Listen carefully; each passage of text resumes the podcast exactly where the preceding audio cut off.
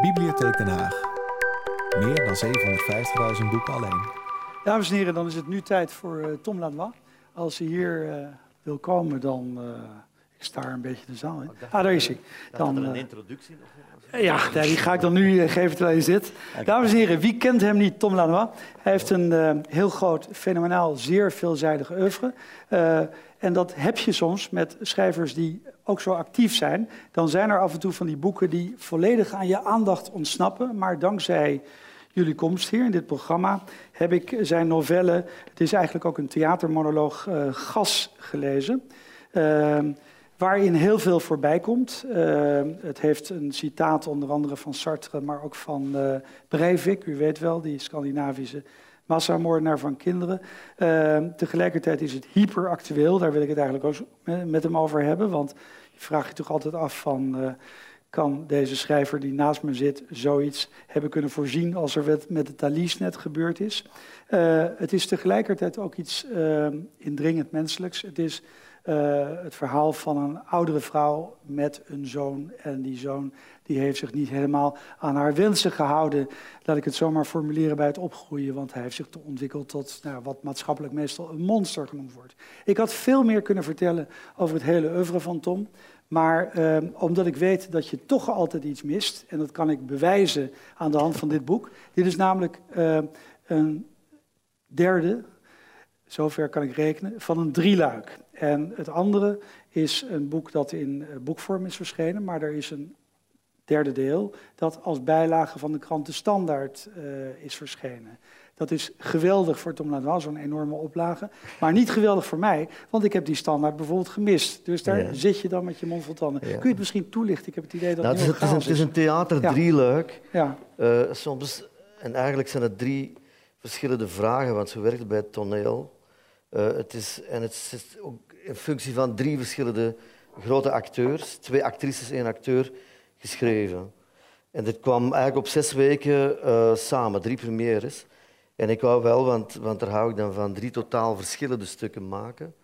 Dus ik heb één Shakespeare-bewerking gemaakt, dus de, de, dat heb ik al nogal eens gedaan. Dus ik heb Hamlet bewerkt, ik heb de oorlog geschreven. In dit geval was dus de vraag van de jonge regisseur Erik de Vroet, die naar uh, Den Haag komt. -hmm. Uh, om een vrouwelijke King Lear te schrijven. En wel voor uh, de Vlaamse, maar al lang in uh, Amsterdam wonende actrice Frida Pitoors. Ja, dat is iets wat ik echt niet uit mijn vingers laat gaan, zo'n vraag. Mm -hmm. Dat blijft de eeuwige opdracht van die geweldige, excentrieke, lichtjes gekke moeder van me. Mm -hmm. Over wie ik geschreven heb in Sprakeloos, die amateuractrice was.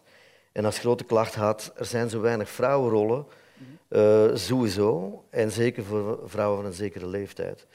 Dus dat is dan uh, koningin Lier geworden. Dat was dan, kort samengevat, de vrouw die als eerste van haar generatie een heel groot uh, multinationaal bedrijf leidde en het opdeelt onder haar drie zonen. Bij Shakespeare is het een koning die het koninkrijk opdeelt onder drie dochters. Hè. Mm -hmm. um, tweede was een vraag van uh, Josse de Pauw, onze grote steracteur, mm -hmm. voor wie ik al zo lang wou schrijven. En die wou eigenlijk een revue. Een heel oude, typisch vind ik Belgische vorm. Dus liedjes, groot orkest erbij van 15 man, een aantal acteurs. En dan wel vond hij, moest het ook over politiek gaan. En dan ging het over een politicus die maar niet afscheid kan nemen van de voorzittersrol, terwijl zijn eigen zoon klaar staat om hem op te volgen. Mm -hmm. Ik vermeld die zoon, maar dat, dat is het drieluik. In dit geval heb je dus de moeder, en het gaat het over gas, het is het Franse woord voor gas, uh, pleidooi van een gedoemde moeder. Um, daar zal ik dan iets langer over vertellen, maar dat was dan voor uh, Viviane de Muink. Mm -hmm. Uiteindelijk, uh, ook een hele grote actrice die we hebben, vind ik. Uh, en dat, dat is samen ontwikkeld met, met een regisseur, Pieter Feuye, voor een klein theater in Tielt. Mm -hmm. En dat is zo belangrijk, omdat uiteindelijk het, het is een project wat kadert in de herdenkingen van die eerste grote wereldoorlog, de grote oorlog. En het mosterdgas natuurlijk. Ja, ja. ja. en dus het is, het is in première gegaan op de avond dat 100 jaar daarvoor, voor de eerste keer in de geschiedenis van de mensheid, een uh, beslissing genomen is door het Duitse leger om gas in te schakelen uh, als aanvalswapen. En dat is het gesprek. Zal ik, zal ik nog iets verder vertellen? Ja, ja, de, de, uiteindelijk ging het dan erover uh, met die regisseur, want het, wat je zegt klopt. Je kan het lezen onmiddellijk na de, die aanslag in de Thalys en dan denk je, wel, het is, het is gisteren pas bedacht. Maar je hebt het daarvoor geschreven? Lang daarvoor. het eerste plan is drie jaar geleden. Ja. En toen zouden we eerst vanwege de Eerste Wereldoorlog... Dat is zo merkwaardig hoe weinig dat die sporen heeft nagelaten in onze literatuur. Mm. Paul van Ostaaien, dagboeken van Virgilie Loveling... Nederlandse literatuur eigenlijk heel weinig, ook in het collectieve geheugen. Terwijl als je nu over vluchtelingenstromen spreekt, mm toen der tijd, ik denk dat 1 miljoen, 1,2 miljoen Belgen in Nederland, naar Nederland gevlucht zijn. En allemaal teruggegaan. Ja. ja. Niet alle, ja, maar er zijn, maar ook alles wat je nu ziet aan die grenzen. Dus de eerste keer dat er een, dat er een, een prikkeldraadversperring was onder hoogspanning, waar best veel mensen door gestorven zijn, mhm. was toen. Mhm. Uh, ik vind het allemaal heel merkwaardig. Maar we waren erover aan het spreken, wat gaan we doen? Uh, we hadden dan als eerste idee, we gaan een, een soort algemene nationalistische terrorist maken. Mhm. Gavrilo Principe als model. Gavrilo Principe is een Servische nationalist mhm. die uh, de kroonprins uh, prins, uh, Frans Ferdinand mm. in Sarajevo neergeschoten heeft. Waarmee de Eerste Wereldoorlog ja. begon, hè, volgens de schoolboeken. Ja, ja. Dus, ja. maar uiteindelijk er zijn zoveel herdenkingsmomenten in Vlaanderen, dus ook, dat riskeert een heel documentair en pamfletair te worden. We wouden het dan vermengen met iets actueels, dan kwamen we bij Anders Breivik uit. Maar mhm. uiteindelijk dacht ik, nog altijd dat stemmetje van mijn moeder natuurlijk erbij, Eigenlijk is het veel interessanter mhm.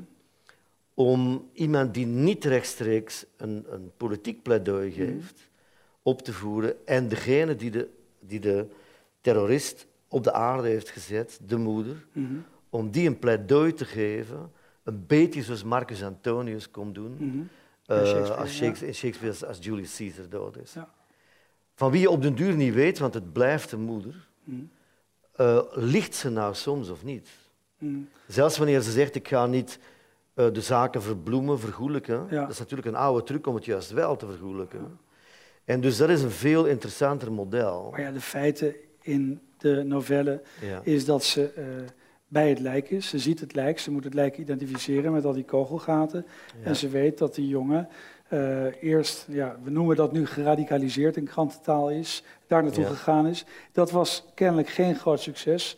En hij kwam terug en heeft hier een daad willen stellen. En het vuur geopend, een hele hoop mensen meegenomen in de dood. Ja, hij heeft dus een, uh, er zijn op een bepaald moment in Tokio aanslagen geweest. Saringas, ja, Met saringas. Dus hij pleegt, en daar is hij dan heel trots op, blijkt uit haar woorden, tot haar verschrikking. Uh, hij pleegt de grootste aanslag tot nu toe. Ja. Of tot op dat moment, dat is natuurlijk de fictie in Europa.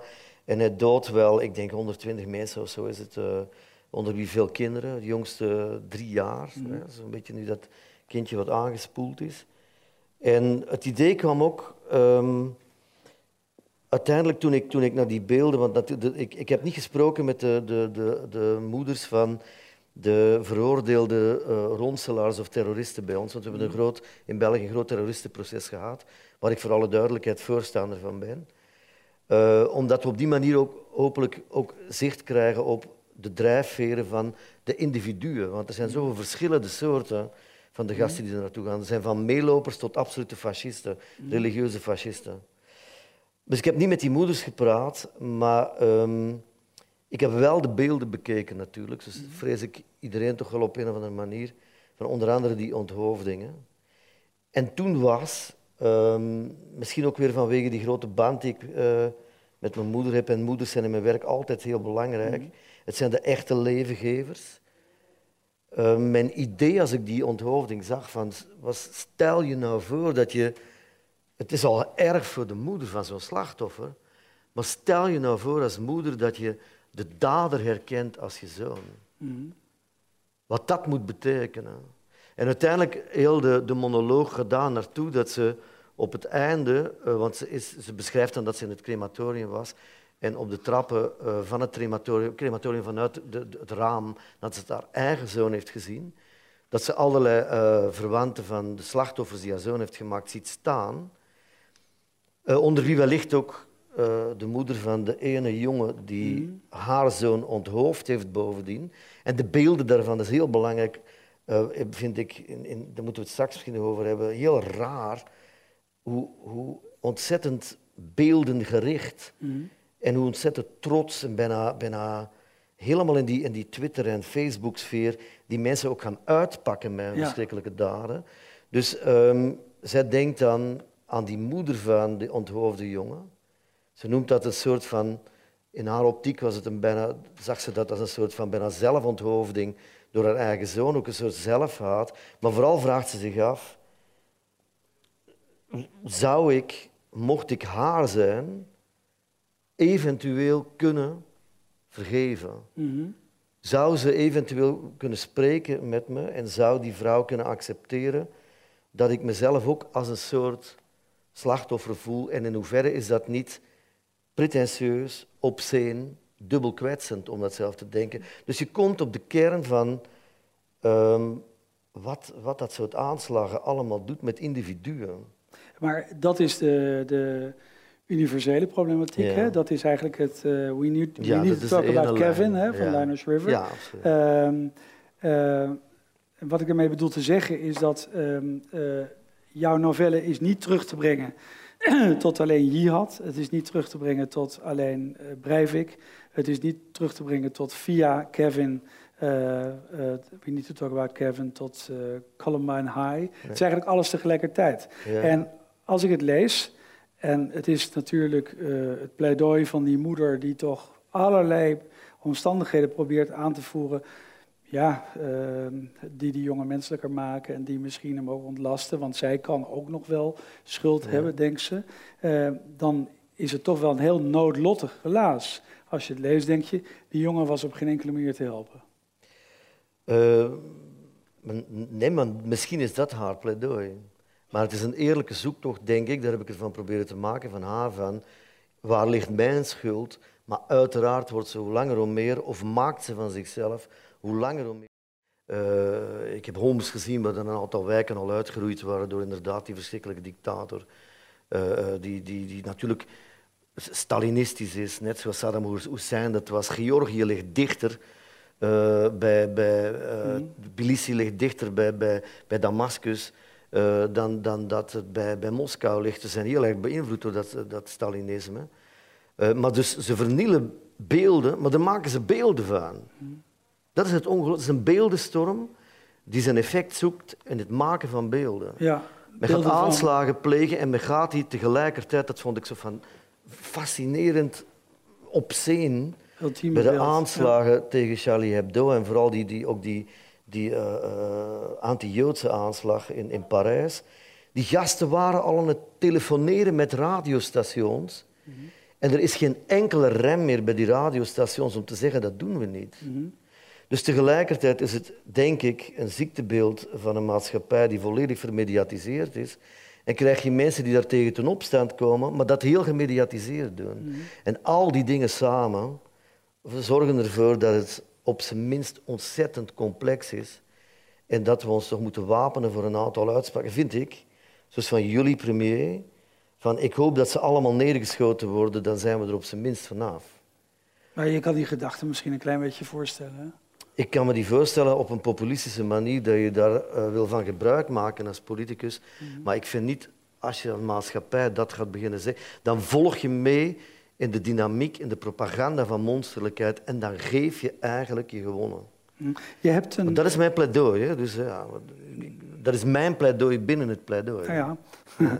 uh, je hebt een uh, fragment uh, gekozen van, uit een documentaire.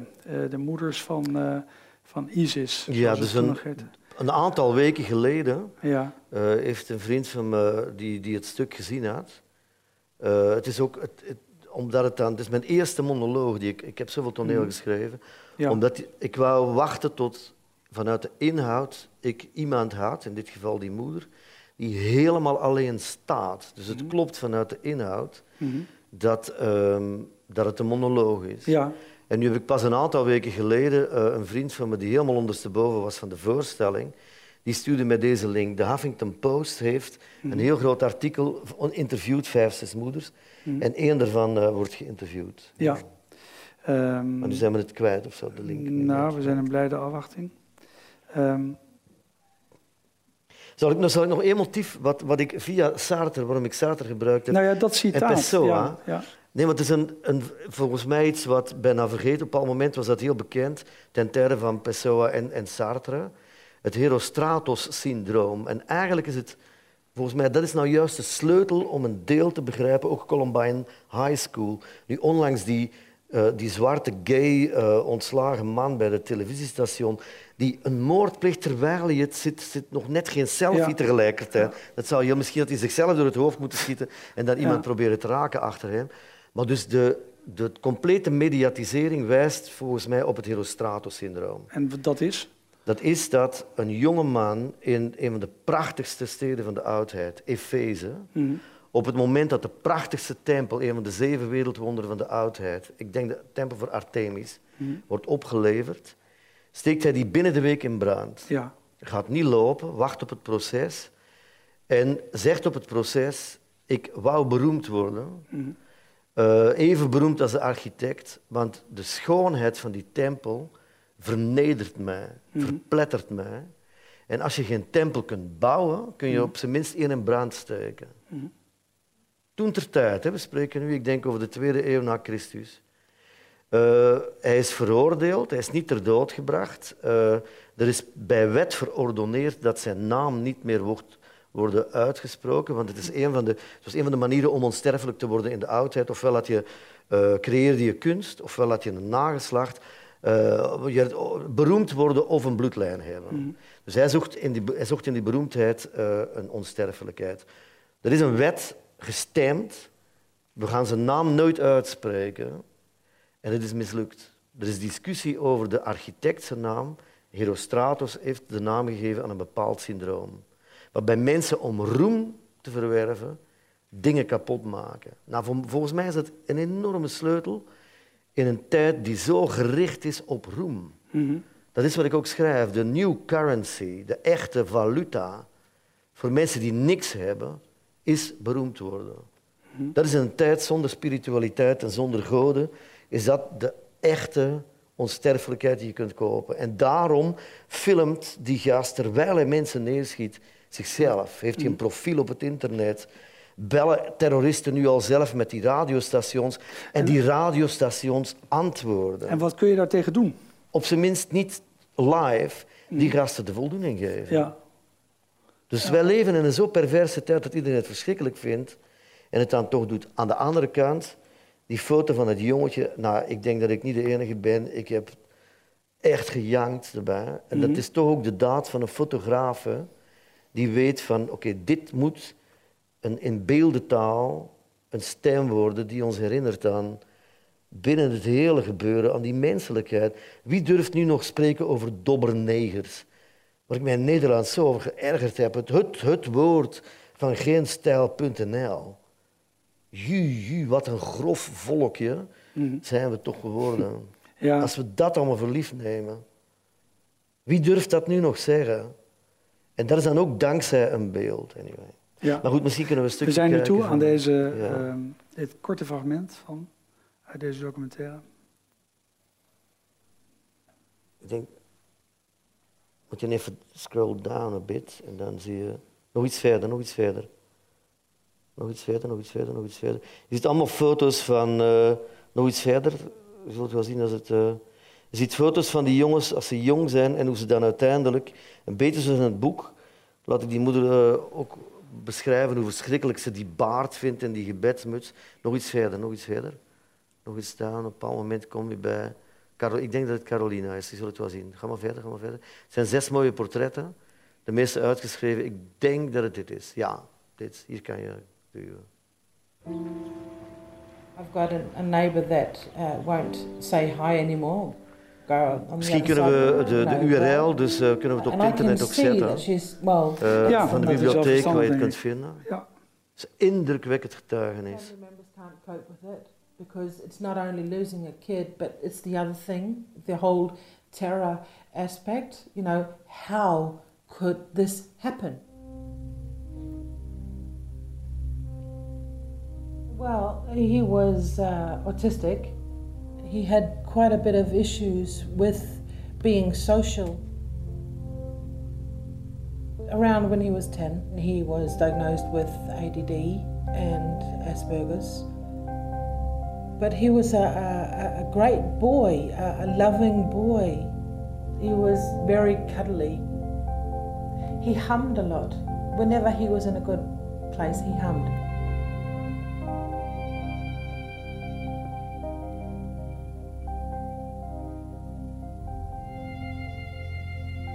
Just dawned on me because he had been sleeping during the day. Then during uh, night time, he kind of woke up. And I just asked him, Are you on Ramadan? Or what? And then he says, Yeah. Well, okay. Well, that's great. Well, then we needed to find out what, you know, what we needed to do as a family to incorporate this new way of living. I saw some, some great changes in him.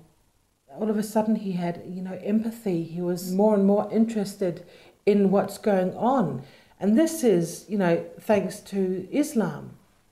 If only the right Muslim had been in contact with my boy, if only we had seen the signs that this was leading towards something bad.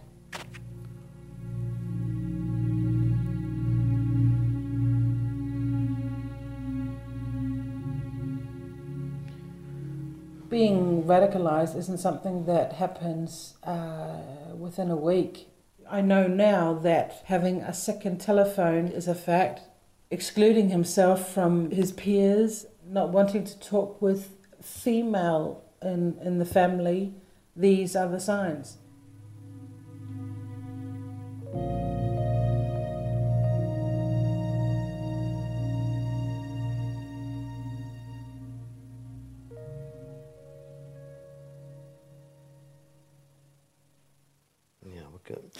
Ja, en nu het, is, het is onwaarschijnlijk voor mij om dit te bekijken, omdat, um, zoals ik gezegd heb, ik wou niet uh, met de moeder spreken. Uh, die ik, die ik, uh, ik, ik, ken advocaten die, die me hadden kunnen introduceren. Maar het, het spoort zo ongelooflijk met het verhaal in het boek. Behalve dat zij, deze vrouw, um, als, als volksvrouw, de vrouw in mijn boek is een bibliothecaresse geweest. Um, zij maakt niet die, diezelfde politieke analyses en uit de geschiedenis al. Dus het is voor een deel toch ook natuurlijk mijn stem die uh, haar dan voedt in een mm. aantal uh, spiegelwerkingen. Omdat ik het meer wou laten zijn dan alleen een emotionele getuigenis. Um, en dat, dat is dan een, een heel weefwerk om die twee dingen bij elkaar te krijgen, zonder dat het een, een, alleen maar een draagster van ideeën wordt. Het blijft een vrouw van, uh, hoop ik, van vlees en bloed. Mm die voor een actrice ook nog eens uh, bovendien, als het kan belichaamd worden door een, uh, door een actrice, is het, is het helemaal echt een, een, grote schok. Maar um, dit, dat, ja, het was toch iets een van die merkwaardige dingen dat je wordt ingehaald door de werkelijkheid en dat je dan ziet na al die jaren toch van bewerkingen maken en zo, dat, dat, het, het, uh, het instrumentarium om via fantasie de waarachtigheid te ontdekken, een beetje zoals Cézanne zei, via, via de, omweg van het spel, de omweg van, van de constructie in een roman, kan je toch een waarheid bereiken zoals een politicoloog of zo dat, veel minder kan. Er is een jonge uh, politicoloog in, in, Vlaanderen, Bilal Ben Yaich, die een, een heel uh, een werkelijk politicologisch stuk heeft geschreven over de zes verschillende types van, van Syrië-strijders, waar ik wel iets aan gehad heb waar ik er eentje dan van uitgekozen heb. En hij maakt van, die, van meelopers tot de echte overtuigde religieuze fascist. Want dit waren uh, eigenlijk weer verzachte omstandigheden. Autist, Asperger, uh, vond een groep mensen die hem ja, accepteerden. Ja. Die hebben misbruik van hem gemaakt, geradicaliseerd. Ja. Zoals het in bijna alle oorlogen ook gebeurt verder. Alle ronselaars, mm. alle... Ja. Maar dus dit is nu wel... Uh, het, het, mag ook niet te ver van die moeder weggaan natuurlijk. Mm Het moet ook bij haar blijven en bij de bevraging. En de, de moeilijkste vraag die ik er absoluut in wil hebben is... En dan kom je op iets heel universeels. Ik kan even, misschien moet ik een stukje voorlezen daarvan. Mag je eerst nog een andere vraag stellen? Ja, ja, ja, Want wij zitten natuurlijk nu weer naar beelden te kijken. En dat zijn indringende beelden. Uh, net als die foto waar we het net weer over hadden. En tegelijkertijd bedien je van taal. Maar van meet af aan in je hele oeuvre, vanaf het debuut... Ik vind die term altijd zo leuk als angry young Belg. Zo werd je genoemd in het begin, lang geleden. jaren 80. Nu ben ik een angry, young Belg. Belg. jaren 80 uh, had jij, denk ik, van je generatie, maar ook van schrijvers uit die tijd, het meeste oog voor beeld. Ja. En er is steeds meer bijgekomen. Dus bijna, je zal die term natuurlijk niet gezellig vinden, een gezamtkunstwerk altijd, hè, wat je doet. Dus, uh, ik vind juist heel goed, dat ja? is de bedoeling. Ja, um, maar je blijft je van taal bedienen. Ja. Dus, uh, en veel schrijvers willen dan toch liever, je weet gewoon dat je met dat beeld veel kunt bereiken. Wat is het precies ja, dat jou je, ja. ja. zoveel meer biedt in taal? Los van dat je prachtig schrijft. Ik denk dat, bedoel, elke grote film, elke grote televisieserie, daar ga ik nu een lezing over schrijven. Ik ben, ben een gastdocent aan de Universiteit van Leiden. En de afsluitend is de Albert Verwij-lezing. Ja. Die zal gaan over Tarantino en literatuur. Waarbij de centrale stelling zal zijn zonder taal is Tarantino niets. Als Shakespeare geen verzen had geschreven, zouden we hem nu niet kennen. Als je Shakespeare, zeg het maar in je eigen woorden, ziet opgevoerd worden, is er geen bal aan. Mhm. Dus taal blijft analyse. Taal is denken. Dus het is, beelden kunnen heel sterk zijn. Ja. En je kan een beeldenstorm natuurlijk organiseren voor wat die allemaal betekenen. Maar de betekenissen die aan beelden gehecht worden, worden gedecodeerd in onze hersens door taal. We zullen proberen te omschrijven wat we zien.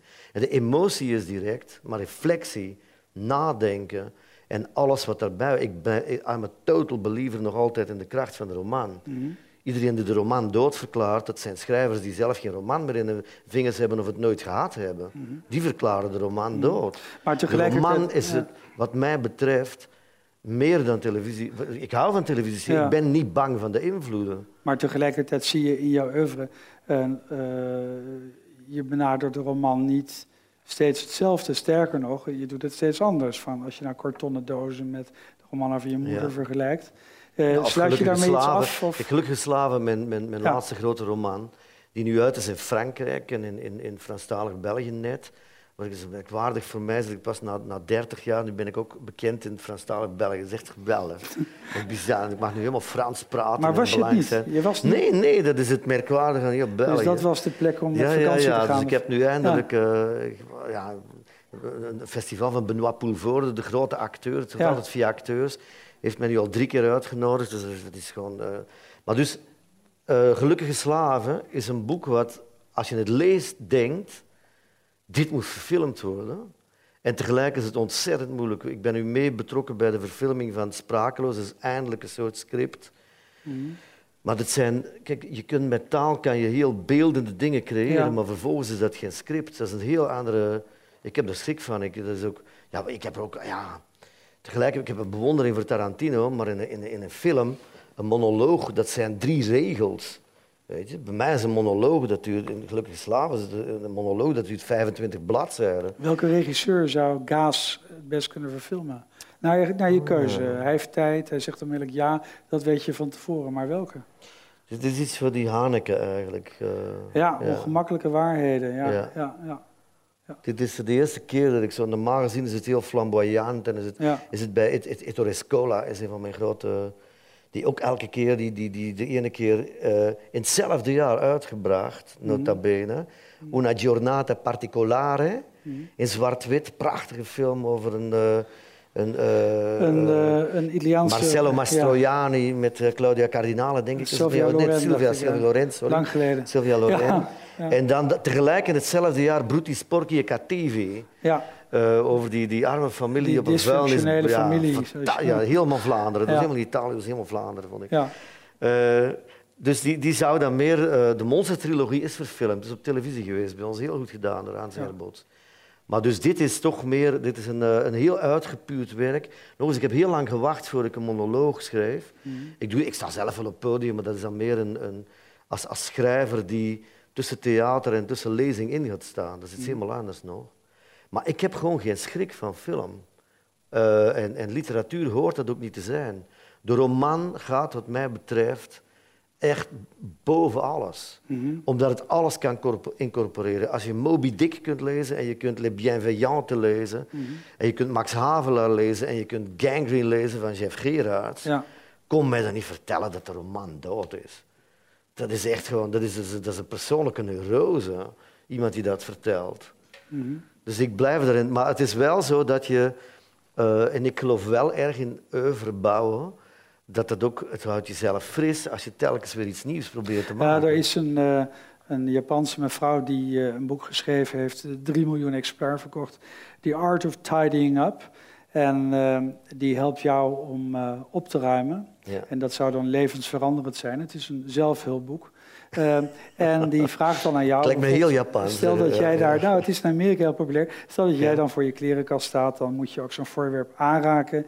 En dan vraagt zij aan jou met die flemende stem: Heb je dat wel nodig? Does it spark joy? Ja. Hoe zou ik het moeten vertalen? Levert dat je een sprankje vreugde op? Als jij nou voor je oeuvre staat, welk boek Goh, ja. Dat is echt dezelfde vraag. Ik antwoord altijd op dezelfde manier. Dat is, eh, je hebt kinderen. Ja, maar gaan we het zo stellen? Ja, natuurlijk wel. Ja. Zeg welk kind je lievelingskind is. Je hebt altijd de neiging om juist degene die tussen de plooien gevallen is. Ik ben heel blij dat ik over Gaas uh, mag spreken. Een van mijn allerbeste teksten is nu zeer actueel voor Europa. Een rare novelle ook eigenlijk, een beetje zoals dit, die ik geschreven heb voor Johan Simons. Ook iets waar ik van weet. Ik kan het opengooien waar ik wil. Ik begin voor te lezen. En dit is, ja, kijk, verlaat. Het is goed voorbereid, dit. Uh, voor Europa. Wat een van de lezingen zal zijn in, uh, in, in Leiden ook. Maar natuurlijk twee dingen springen er zo... Omdat ik opnieuw naar school ben gegaan, vind ik. Als schrijver tijdens ten oorlog. Dus er waren zes, eh, nee, acht grote stukken van Shakespeare, waarbij er, uh, Perceval, de regisseur, en ik als bewerker, en ik heb het dan wel allemaal uitgeschreven, zes van gemaakt hebben. Volledig een vijfvoetige jambe. Behalve op het einde springt bij Richard Modderfokker, de derde, af en toe bij de vernietigingsgedichten springt die versvorm kapot. Ja. Wordt een soort, het wordt een soort Schwab, die Duitse uh, geweldige schrijver. Uh, dat natuurlijk, en zeker en vast voor mij sprakeloos, omdat het emotioneel en ook wat, wat vaktechnisch, als het nu gaat over taal en wat is de roman, ja, dat is mijn kapelletjesbaan. Mm. Dat is echt mijn soort verdriet van België, mm. waar alles wordt samengevat over taal, theater, die moeder van mijn afkomst. Het is een enorm groot kruis over mijn verleden, het verleden van mijn ouders, in een feest van taal, mm. uh, wat dan al snel barok genoemd wordt. Maar wat echt gewoon voor mij zo'n eikpunt is van ook mijn persoonlijke strijd tegen dat verdomde, frikke bevel geen woord te veel, wat helemaal niet bij mijn temperament past. En al mhm. zeker niet bij dat van mijn moeder en al zeker niet bij die tijd. Als we eerlijk zijn, nou ja, enfin, Napels, Napels begint bij de grens uh, aan Roosendaal. Dus ik heb echt geen zin om me er nog uh, of voor te excuseren of me er door te laten leiden bij het schrijven. Ik hou van F.B. Hots. Ik hou ook van onze F.B. Hots, avant la lettre, uiteraard Willem Elschot. Geweldig gedaan. Maar voor mij mag het toch wel iets meer zijn. Qua, qua stijl. Mhm. En dus uh, dan, ik, ik zou het in, in, in, principe is dit vrij uitgepuurd. Ja. En vind ik wel dat ik bewijs dat ik dat zou kunnen. Maar um, mijn onderwerpen en mijn opvatting, uh, de, de, de ensenering, leent zich er niet toe. Waarom zou ik dat dan doen? Zou je uh, tot slot, uh, een, want we hebben het de hele tijd over het boek, en volgens mij heeft niemand het nog kunnen lezen. Zou je een kort ja. fragment willen lezen? Wel, de belangrijkste vraag die zij zich stelt, maar ik zal, ik zal ermee besluiten. Hm? Um, live fast, be a radical, die young. Welke wetten zijn dat? Die van Mohammed of die van de rock and roll? Er mogen nog zoveel bankencrisis uitbreken. Onze samenleving heeft maar één betaalmiddel in petto voor wie jong is en niet gefortuneerd. Roem, bekend zijn, ongeacht waarin. Glamour, dat is onze hardste valuta. Ook al hebben ze soms geen nagel om een gat te krabben, onze sterren, onze eendagsvliegen, dat zijn de echte nouveau riches. En mijn kind hoort daar nu voor eeuwig bij. Hij speelde perfect de zwartste karikatuur na die de media maken van zijn soort gasten. Of misschien was hij die karikatuur wel ten voeten uit. Of misschien is hij, zoals Hamlet, ze pas geworden doordat hij ze begon te spelen. Ik weet het niet. Ik heb hem alleen maar op de wereld gezet. Zou ik dat opnieuw doen? Hem op de wereld zetten, wetend wat ik nu weet? Ik weet het niet. En dat is volgens mij de kern. Een moeder die over haar eigen kind moet nadenken van, weet het wat ik nu weet, al die slachtoffers, al die pijn, zou ik hem hebben geboren laten worden? Een vader kan dat niet zeggen. Maar dat is bijna Daarom is het de moeder. Dat is bijna Sophie's choice. Hè? Dat, ja. ja. Erg mooi, dankjewel Tom. Dankjewel. Oké. Okay. Okay. Um, Dank je.